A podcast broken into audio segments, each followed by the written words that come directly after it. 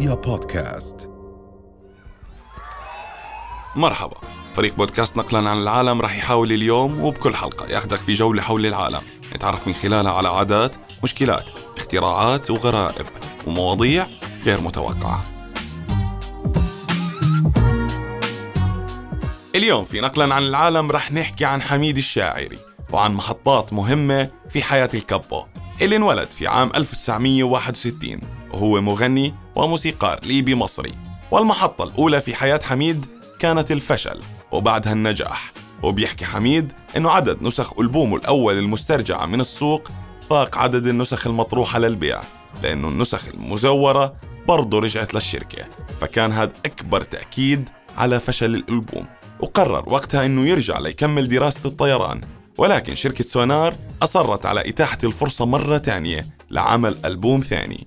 مع بعض التعديلات البسيطة على أخطاء الألبوم الأول. وعمل في هذا الألبوم أغنية وين أيامك وين؟ من كلمات صلاح الشيخ واللي فازت بأفضل أغنية في مصر في نفس العام. وين أيامك وين يا غايب على عينك أيامك وعمل على إعادة توزيع أغاني غير معروفة في مصر كأغنية يا ليمين من كلمات وألحان فرقة الموسيقى الحرة. وقدم أفكار غنائية بتتماشى مع الوقت والحالة الجديدة. مثل أغنية رحيل من كلمات صديقه شريف مروان وكان كل الألبوم من توزيع حميد الشاعري ليعلم من خلال هذا الألبوم عن ولادة موزع رح يغير شكل الموسيقى المصرية إلى الأبد. وبعدها بدأت رحلة حميد والكينج محمد منير بعد ما استلهموا تيمات من تاريخ النوبة الخفي مثل التهجير والغربة في المدينة والبلاد الغريبة لحتى يقدم محمد منير مع حميد أغاني وموسيقى جديدة على الأذن المصرية في هذاك الوقت. وكان منير في ثالث ألبوم لإله اسمه تكلمي سنة 1983 كان منير أول مطرب بيوظف ألحان المهاجر الليبي ولحن له حميد أغنية الطريق. كانت من كلمات عبد الرحيم منصور وتوزيع يحيى خليل. وبعدها رجع التعاون الثاني بين منير وحميد في عام 1986 بأغنية أكيد ليغنيها حميد ومنير مع بعض.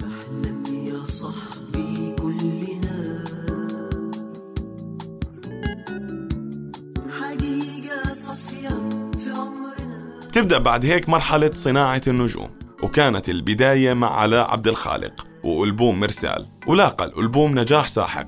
وبعد هيك إجا الألبوم الثاني لعبد الخالق باسم وياكي 1987 وبعدها قدم حميد المطربة حنان اللي حصلت على أفضل مطربة بوب في الوطن العربي من فرنسا عام 1989 بسبب أغنية بسمة اللي لاقى نجاح كبير لما صدرت في ألبوم بيحمل نفس الاسم.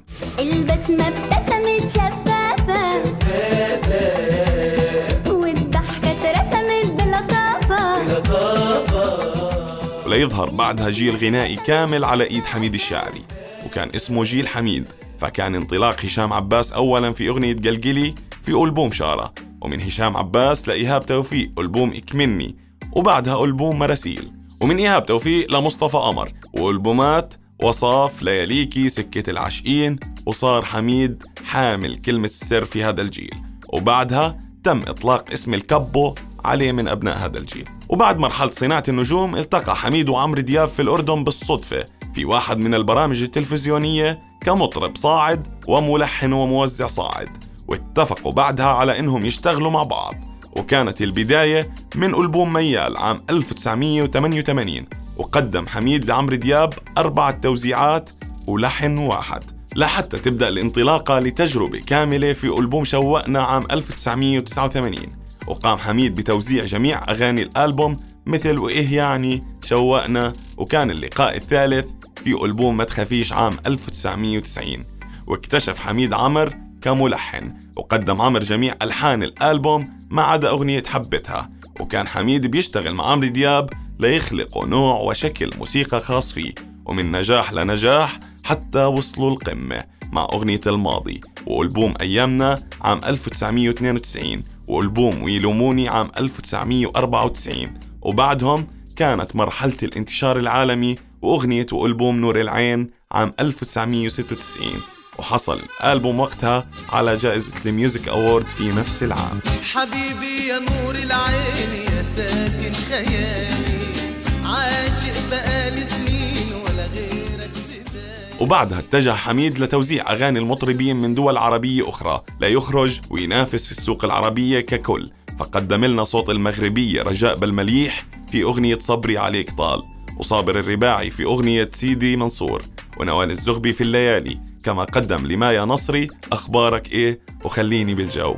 روق علي شوي مشيني على